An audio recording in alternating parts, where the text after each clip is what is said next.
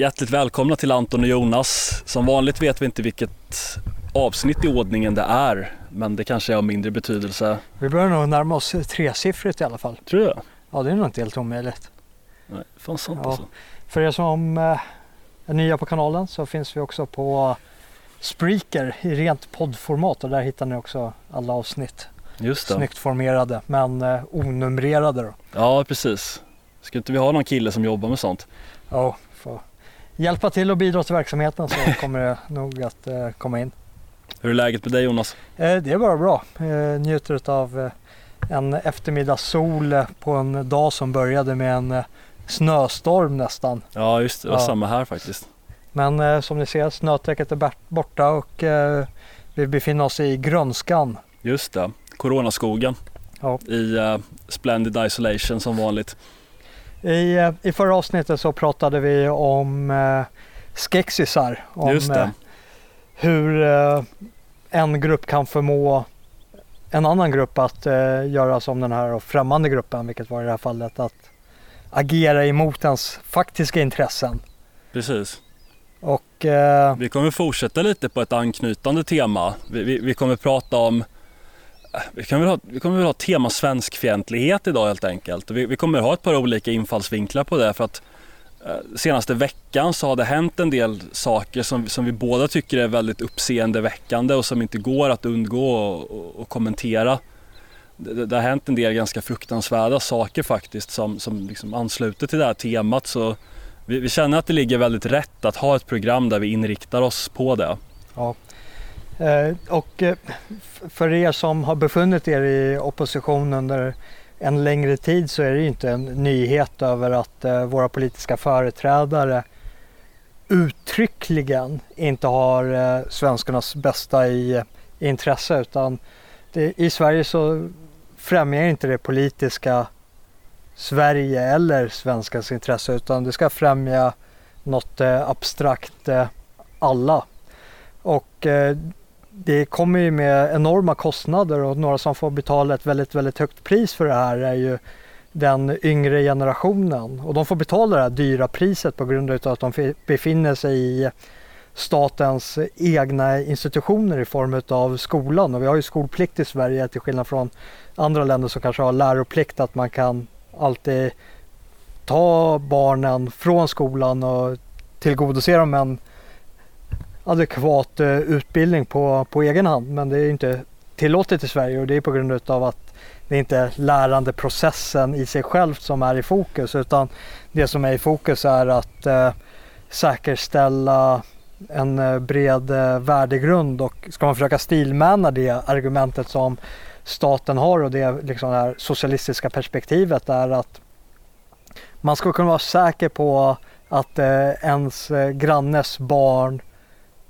är insocialiserade in i systemet för att det ska kunna gå och verka i samma samhälle som dem. Mm. Och det, det vet vi ju att det är, det, det är verkligen märkliga förevändningar till någonting som mer kan betraktas som eh, eh, institutioner för att verkligen forma en medgörlig medborgare utifrån den här värdegrunden som genomsyrar hela samhället. Men det är som Palme sa för länge sedan att det handlar inte så mycket om lärande utan vad saken gäller är att forma människor som kan fungera i en grupp. Och, Och det, det, det är faktiskt vad han sa och det, det är precis vad det här handlar om.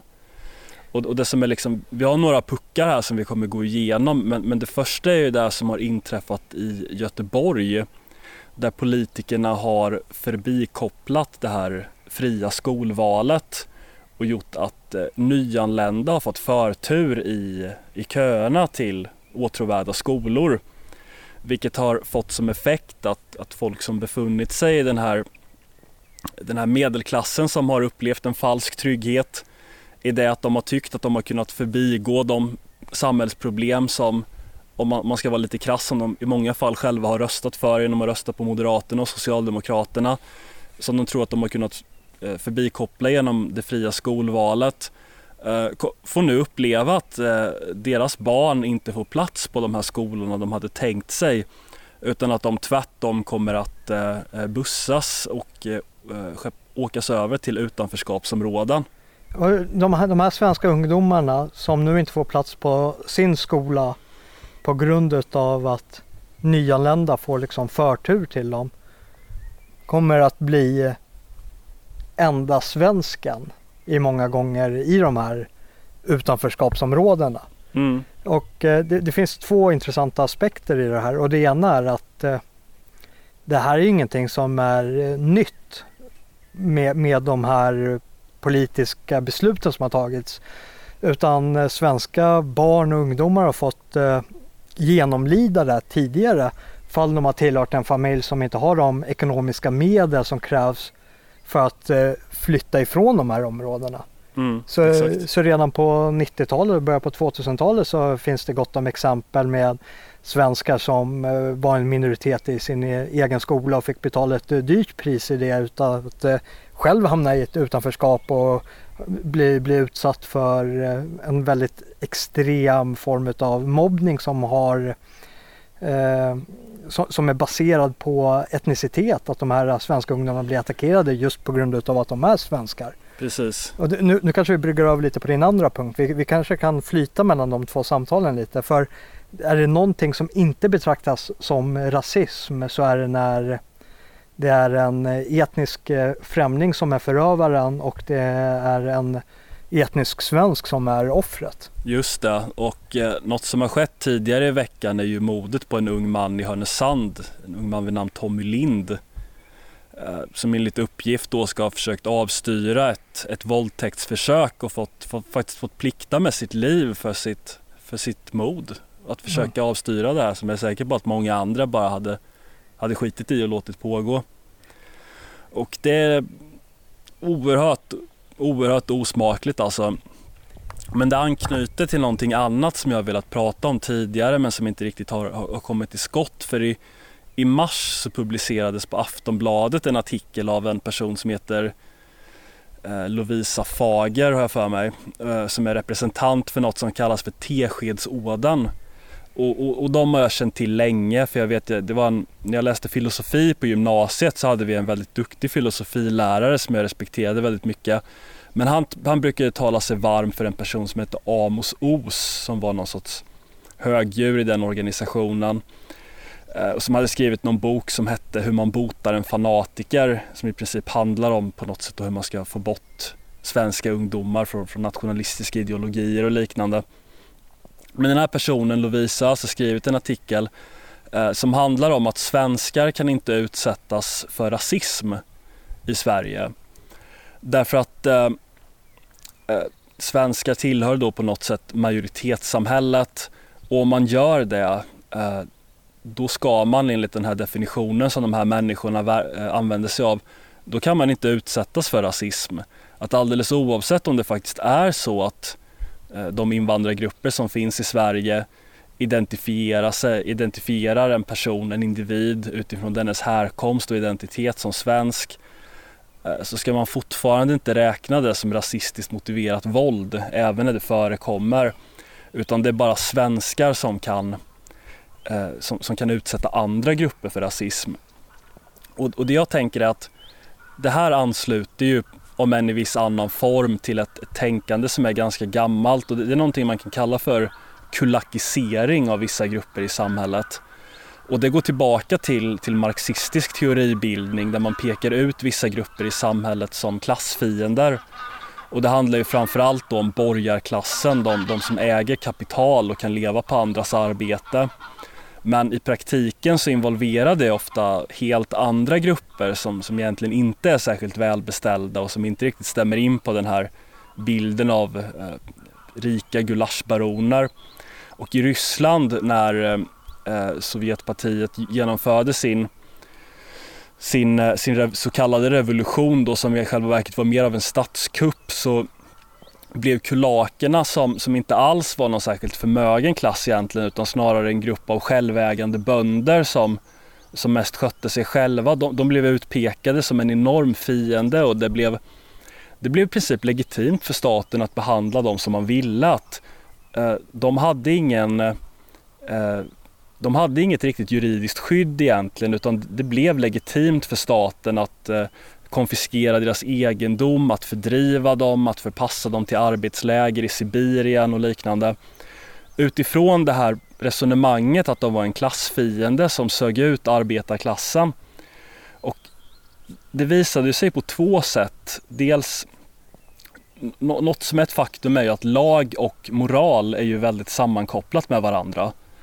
Och de här människorna blev ju dels nedgraderade juridiskt. Det blev, eh, det blev lagligt för staten att tillgripa våld mot dem som det inte var lagligt att göra mot andra grupper. Men när man identifierade dem som klassfiender så blev det också etiskt försvarbart att konfiskera deras egendom och förgripa sig på dem på olika sätt. Och det som gjorde mig så illa berörd med den här artikeln som den här representanten för, för den här så kallade Teskedsåden då som åker runt och föreläser i skolor om extrema ideologier och fanatism och liknande. Det är att vad de genomför, om än i mild form, är en kulakisering av gruppen svenskar. Därför att är det någonting som har hög status i vårt samhälle så är det ju rasism och så kallade hatbrott. Att om en person utför någon form av våld mot en annan individ utifrån att det skulle vara så kallade hatmotiv, då anses det både i juridisk mening och också av många i etisk mening att det är betydligt värre. Men detta kommer inte svenskar, etniska svenskar att åtnjuta.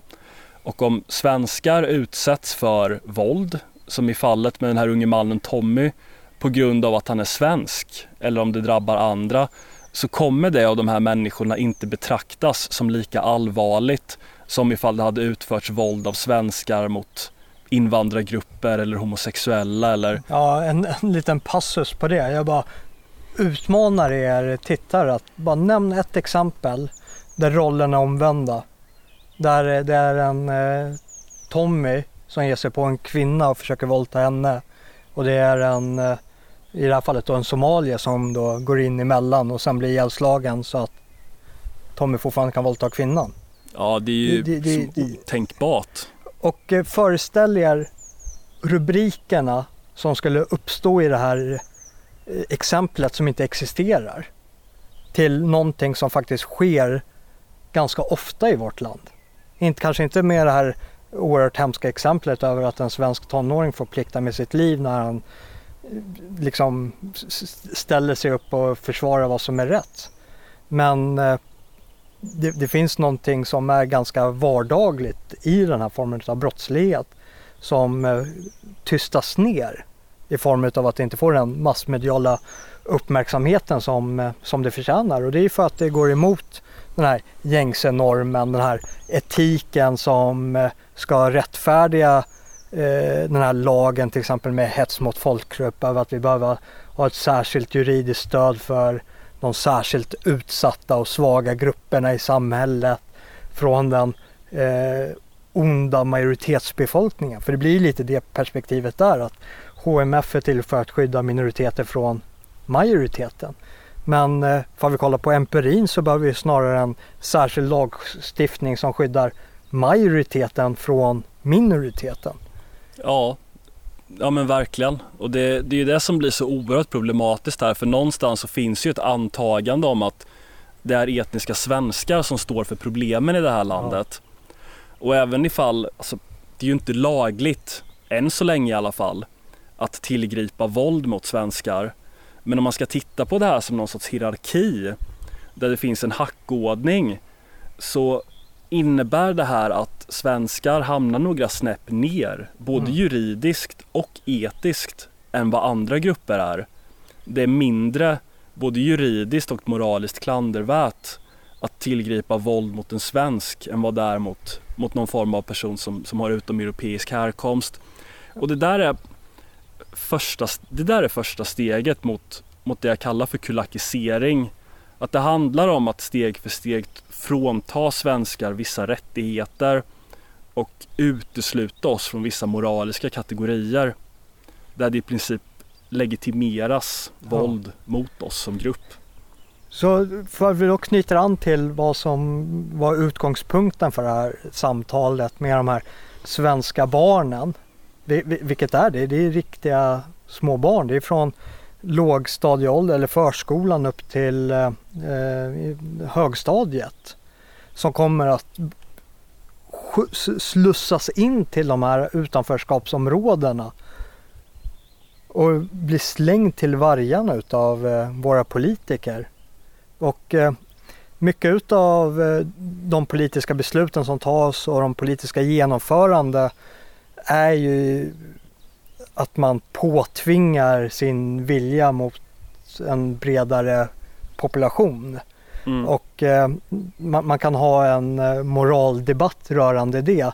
Men eh, i många fall så kan man eh, frigöra sig själv eh, från det. Man kan eh, göra ett aktivt passivt försvar genom att avlägsna sig från området och det är ju det vi har sett med White Flight att de som har haft de ekonomiska medlen har ju flyttat från områden som tidigare varit svenska områden som sedan har blivit eh, invandrarbebodda och eh, dåtidens populära skolor har genomsyrats av den nya populationen och blivit eh, en skola som ingen vill gå i som nu de här svenska ungdomarna måste gå i på grund utav att människorna i de här områdena väljer att eh, gå in på de här nutida populära skolorna.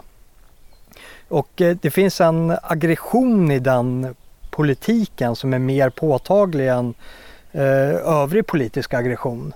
Och det är att eh, de, de eh, verkligen utsätter eh, de här människorna, de här barnen för fysisk fara. Vilket eh, man inte gör med, med många andra politiska reformer. Människor kan hamna råka illa ut beroende på vad det är för politisk implementering man har. Men det är oftast, eh, det finns ju ingen frivillighet riktigt kopplat till det men det är inte att du, du hamnar inte i en fysisk fara såvida du inte motsätter dig, alltså i form av att våldsmonopolet ska göra sig påmint för att upprätthålla liksom det här politiska beslutet. Men det här är så speciellt för det är att om du följer det politiska beslutet och skickar dina barn till den här utanförskolan, utanförskapsskolan så kommer de att riskera en fysisk skada eller en psykologisk skada. Alltså de kommer ta en psykisk eller fysisk skada på grund av det som beslutas. Och eh, likt alla andra politiska beslut så är det ju nödvärnsrätten gäller ju inte. Du kan inte försvara dina barn mot det här politiska beslutet. Det kommer ju resultera i att eh, en sossanmälan fall eh, du... Eh, I bästa fall. Ja, men fall du I värsta fall åker du in bakom lås och bom. Ja, men eh, det, om, du, om du inte skickar dem till skolan så bryter de mot skolplikten och SOS kommer och de hämtar barnen av dig och ser till att säkerställa att de här barnen socialiseras in i värdegrunden. Och det enda realistiska försvaret mot det som finns kvar är att flytta ännu längre bort från de skolorna så att de inte ens hamnar på prioriteringsordningen. Så att man rör sig från kranskommunerna till de här storstadsområdena ut till ännu längre ut i landsbygden. Men det är ju bara en förskjutning utav den striden som komma skall. Mm. Alltså hur... Det är ju inte hållbart att, att leva som en internflykting i sitt eget land. Nej. För att man vill, vill fly bort från statens oansvariga politik. Det, det, det, håller inte va, utan det Jag vet att på senare år så har det ju diskuterats någonting som kallas för den femte politiska teorin. Som, som utgår från någon sorts oberoende av, av staten. Men jag kommer ihåg från våra, vi var ju i Sydafrika i vintras. Ja. Du har varit där många gånger men för mig var det ju första gången. Och det är att, alltså någonstans om man bor i ett land som styrs av, ja men som en modern nationalstat styrs då måste man i någon mån ha regeringen på sin sida eller ha, ha liksom statsapparat, någorlunda kunna synka med statsapparaten. För det finns faktiskt ingenstans att fly i förlängningen. Det gör inte det och det, Sydafrika är ett bra jämförande exempel för i Sverige det är fortfarande vi svenskar i någon mening som är i kontroll över reglerna vi sätter i plats. Det, det är vi svenskar i bred bemärkelse, det är vårt fel att de här svenska barnen nu kommer slussas iväg till en utanförskapsskola. Och det är för att säkerligen att de här barnens egna föräldrar har röstat på eh, Liberalerna eller sossarna. Vilket, eh, och sen nu eh, då är upprörda över vad de själva har röstat för. Vilket skapar en viss eh, här, iron... Kognitiv dissonans brukar man säga va? Ja, något åt det hållet. Och, eh, det är ju de här familjerna som har varit förmedlade som har kunnat flytta från områdena först och sen eh, kompensationsröstat på sjuklöven för att kunna leva kvar i någon illusion över att om de flyttade inte från det området på grund av att de var emot mångkulturen. De ville utan, komma närmare naturen. Ja, eller... Få mer ut, utrymme till hundpromenader och skogsutflykter och så vidare. Sätt in valfri eh, anledning som är socialt accepterad i, inom sjuklöverkretsarna. Men det är dags att människor vaknar upp till att de du röstar på, att det får eh, effekter för människors liv. Om din familj är drabbad av att ert barn kommer nu att behöva åka iväg till en skola där de kommer vara ensam svensk. En ensam liten blond flicka kommer gå som ensam svensk i en eh, utanförskapsskola. Och det beror på att eh, grannarna runt omkring dig som du tror tycker om dig eller som du tror att du tycker om har gått och röstat på partier som tycker att din dotter ska gå i skolan där hon kommer riskera eh, fysisk skada på grund av den svenskfientlighet som genomsyrar eh, hela Sverige. Ja, Ja, men det, det, är dags att komma ifrån det här tänket att, att det skulle på något sätt kunna gå att köpa sig fri från det här. Det, det funkar inte så längre. Det, det tillhör en svunnen tid utan det, trycket skruvas upp hela tiden och den typen av möjligheter kommer försvinna. Det, spelar, det spelar ingen roll att du är övre medelklass och har ett eget företag och tjänar mycket bättre än genomsnittet och, och röstar på Moderaterna men samtidigt tycker att eh, effekten av deras politik är någonting som din familj ska kunna köpa sig fria från. Det kommer inte hålla i längden. Det, det, det har hållit hyfsat under lång tid va? men det där är på väg bort. Det är dags att ta lite, lite ansvar för helheten och inte bara se till sitt eget hus. Ja, och kollar vi på Sydafrika där också. Har du den politiska ledningen, om de inte har din rygg så kommer de att sätta in eh, beslut som kommer gå emot dina intressen totalt. Och eh, i Sydafrika, vi genomlider ju alla just nu den här pandemin med coronaviruset. Eh, varje stat gör vad de kan för att upprätthålla någon form av ordning och skapa någon form av ekonomisk säkerhet som gör att eh, människorna fortfarande känner sig trygga i att eh, företagen inte kommer gå i konkurs och man har, har ett arbete att gå till eh, när krisen har lagt sig. Och i Sydafrika så är alla de stödpaketen som ska betalas ut till näringslivet baserade på rastillhörighet. Mm. De har ekonomiska policies som går under BEE, e, Black Economic Empowerment, som de nu också utvidgat till och kallat för Broad-Based eh, economic, eh, Black Economic Empowerment. Och det baseras på att eh, företag som inte uppfyller de här reglerna som finns inom den här politiska reformen av att tillräckligt många utav de anställda, tillräckligt många utav ägarstrukturen är svarta. Ja, då får de inte heller något stöd. Nej, nej men precis.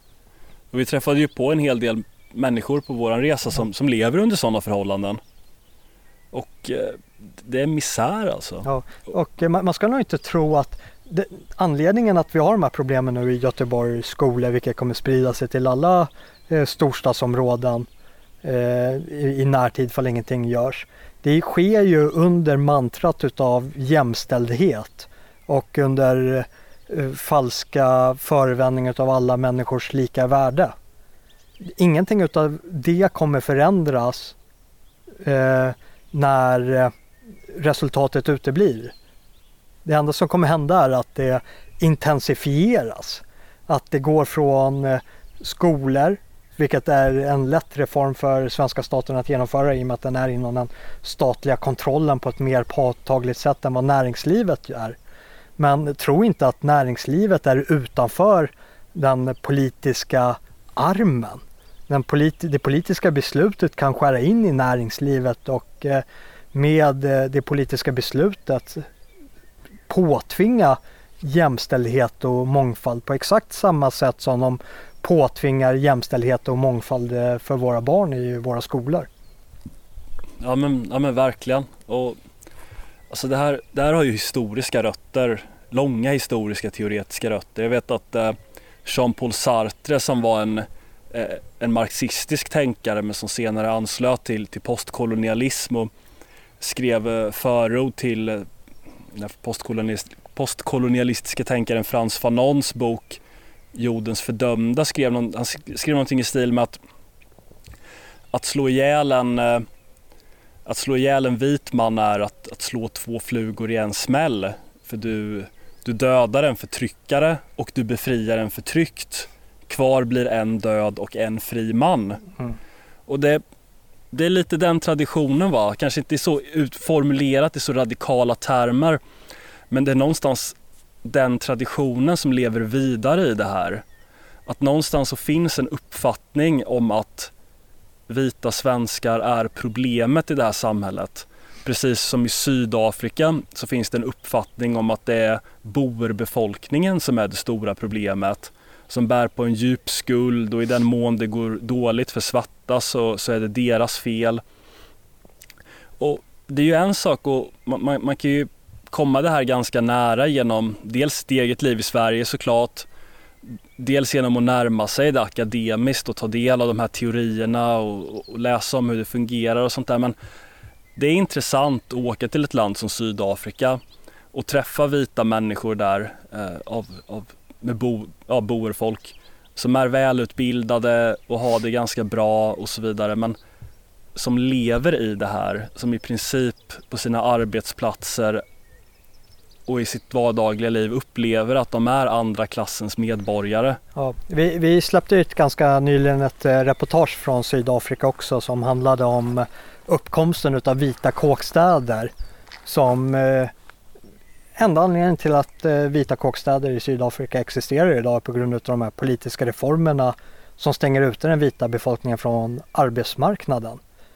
Och eh, nu eh, förra veckan så gjorde sydafrikansk statlig tv också ett reportage om de här vita eh, kåkstäderna. Men inte med den här problematiserade bilden till vad är anledningen till att de eh, existerar. Utan eh, reporten eh, var istället ifrågasättande till varför har ni ingen mångfald i den här kåkstaden? Varför är ni bara vita som är här? Och så vill ni att staten ska hjälpa er ur den här krisen. Men vad är, vad är statens medborgare här? Det är ju bara vita här. Ja, ja men just det. Det är, och det, det är inte för långsökt att se nu, nu eh, har ju Sydafrika en speciell dynamik och en speciell historia.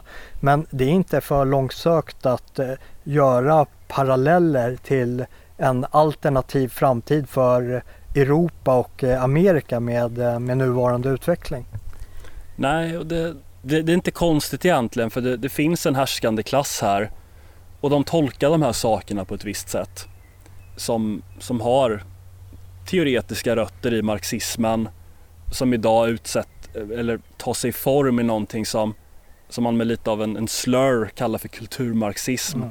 Man kan väl ifrågasätta hur stringent det, den termen är men, men någonstans har det ändå sin rimlighet därför att någonstans i, i en svunnen tid och vissa grupper som som lever kvar efter sin tid på något sätt så tolkade man ju att det fanns en utsugande kapitalistklass och en utsugen proletärklass.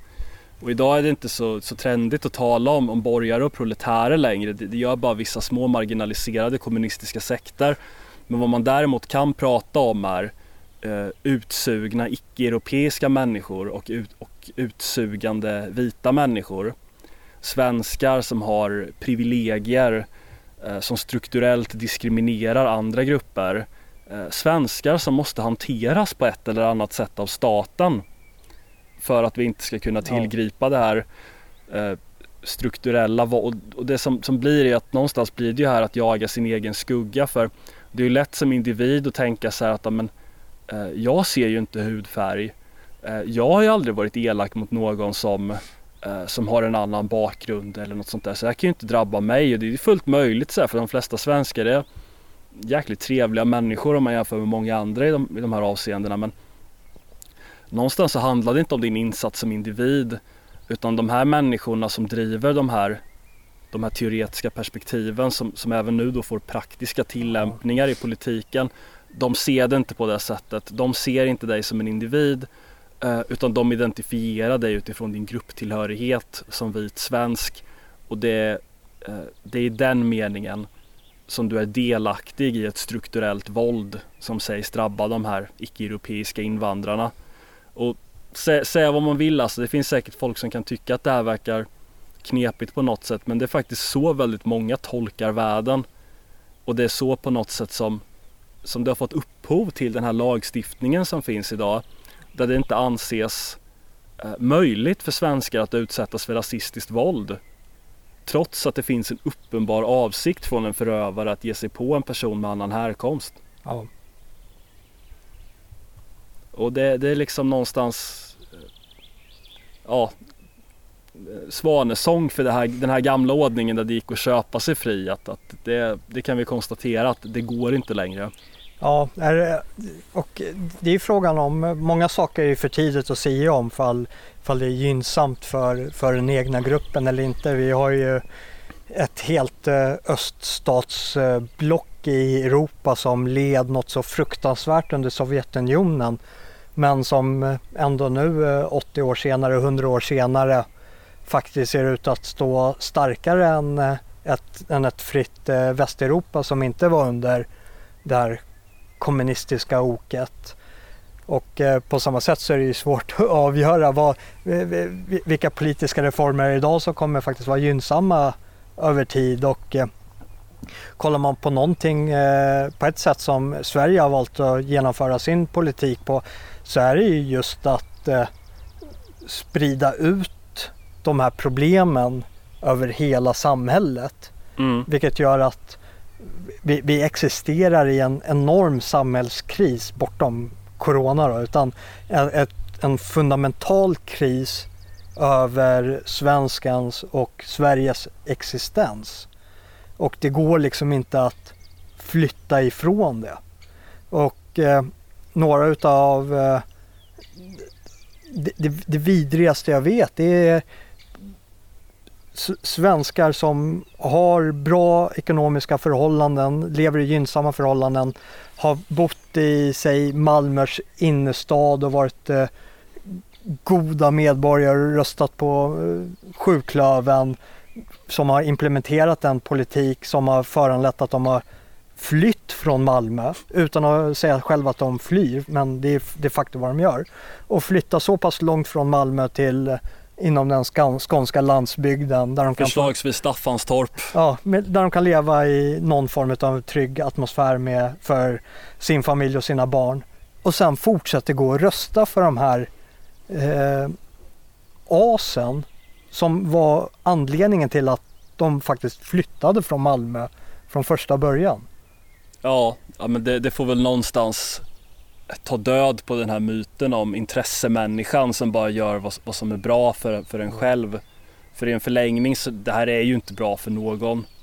Och det, det är lite så att eh, Alltså någonstans har jag ändå under min uppväxt förutsatt att människor tar sitt förnuft till fånga när de får barn. På något sätt att människor mognar och blir förnuftigare. Men, men så verkar ju inte vara fallet här alltså. Nej. Nej, nej och eh, jag, jag blir verkligen illa berörd för det just, just de här besluten det, det, det, det, drabbar så oskyldiga människor. Det kan vara barn till de här människorna som har röstat på de här partierna. Det, det är fortfarande barn som bara slängs in i, i en miljökontext som kommer vara förödande för dem. Och eh, det, det, är så beklagligt på så många nivåer och eh, jag förstår de här föräldrarna som är väldigt upprörda i Göteborgsområdet nu. Och, nej, det, det, det, det är verkligen fruktansvärt på ett, liksom, på ett uh, djupt fundamentalt plan. För det, det är en sån påtaglig aggression mot uh, medborgarna. Mm. Ja, men det är som uh, Nassim Talebs gyllene regel att du ska inte ha andras, andras skin i ditt game ja. så att säga. Att om du gör någonting så är det ju du själv som ska bära konsekvenserna för det. Det är ju inte andra som ska ta konsekvenserna av dina handlingar. Om vi säger att det, det gäller en stor företagskoncern där ledningen begår ett antal dumma mm. beslut som leder till bankrutt. Då är det ju inte skattebetalarna som ska stå för den notan. Nej, liknande är det ju så här att de här politikerna de, de har de här visionerna, de följer de här ideologierna. Eh, I vissa fall kanske det gamla talesättet intresset ljuger inte. Stämmer in och det handlar om människor som, som inte har några värderingar utan som bara är renodlade karriärister och lika gärna skulle kunna klä sig, iklä sig hakkors, bindel eller hammaren och skäran ifall det var det som var populärt liksom. Ja, det, det, det är ju liksom den personlighetstypen. Det, det är ju de som hade stått där och varit de goda medborgarna oavsett etablissemangsstrukturen. Ja, det, det, det är samma sorts eh, människor. Ja, det, är, det är det som den här judiska filosofen Hannah Arendt kallade för banal ondska. Mm. Det här liksom nästan... Det här bara passiva medföljandet. Ja, det här, det här liksom att ah, jag följde ju bara order ja. eller jag försökte ju bara orientera mig i den här situationen mm. eller vad är det nu, jag hakade bara jag vill ju bara ha min karriär. Ja. Det... Och det här med, med, skin in the game, det, det, är verkligen någonting som är värt att återkomma till, speciellt när det kommer till eh, politisk eh, filosofi och politisk teori. Och det är ju att du faktiskt har beslutsfattare som berörs av deras egna beslut. Och det lättaste sättet att eh, genomföra det, det är ju att decentralisera till den graden att det är de lokala beslutsfattarna som tar de här besluten. Ja, men vilka ska in i det här närområdet? Vilka ska in i den här kommunen? Vilka människor är jag beredd att ha i närheten av mina egna barn? Inte i närheten av någon annans barn någon annans som barn. betyder mycket mindre. Det, det, det, det, är en sån kraftig dissonans där och man blir så frånkopplad från sitt eget beslut och sitt egna ansvar. Och det ska man inte glömma att det finns ett ansvar i det här. Någon är ansvarig när de här barnen kommer råka illa ut, för de kommer råka illa ut. Och vem är det som är ansvarig för det?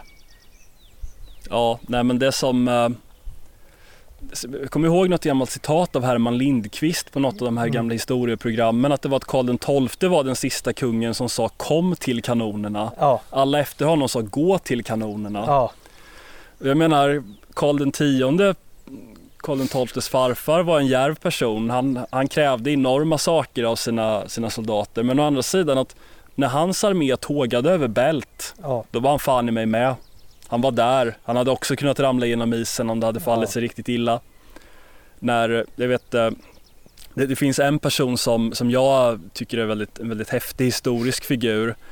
Uh, Julianus Avfällingen, Julian the Apostat. Jag, jag, skriver om honom i min bok. Att, det här att vara en härskare som liksom försöker besegra tidsandan i, i egenskap då av sitt lands högsta, högsta beslutande. Men misslyckas för att ingen råmakt kan inte besegra tidsandan på det sättet. Jag vet att Nassim Taleb skriver om honom också. Mm. Men han dog för ett persiskt spjut trots att han var kejsare. För han stod längst fram med sina trupper eh, i fronten mot perserna när de invaderade Rom. Mm. Och det är någonstans att det kanske inte är så dramatiskt det behöver vara i våra dagar. Men någonstans ska man ändå ha det i åtanke att om en person kommer med någonting som de vill att du ska göra men som de inte är beredda att göra själva då ska du vara försiktig. För ja. då, då är det någonting som inte står rätt till.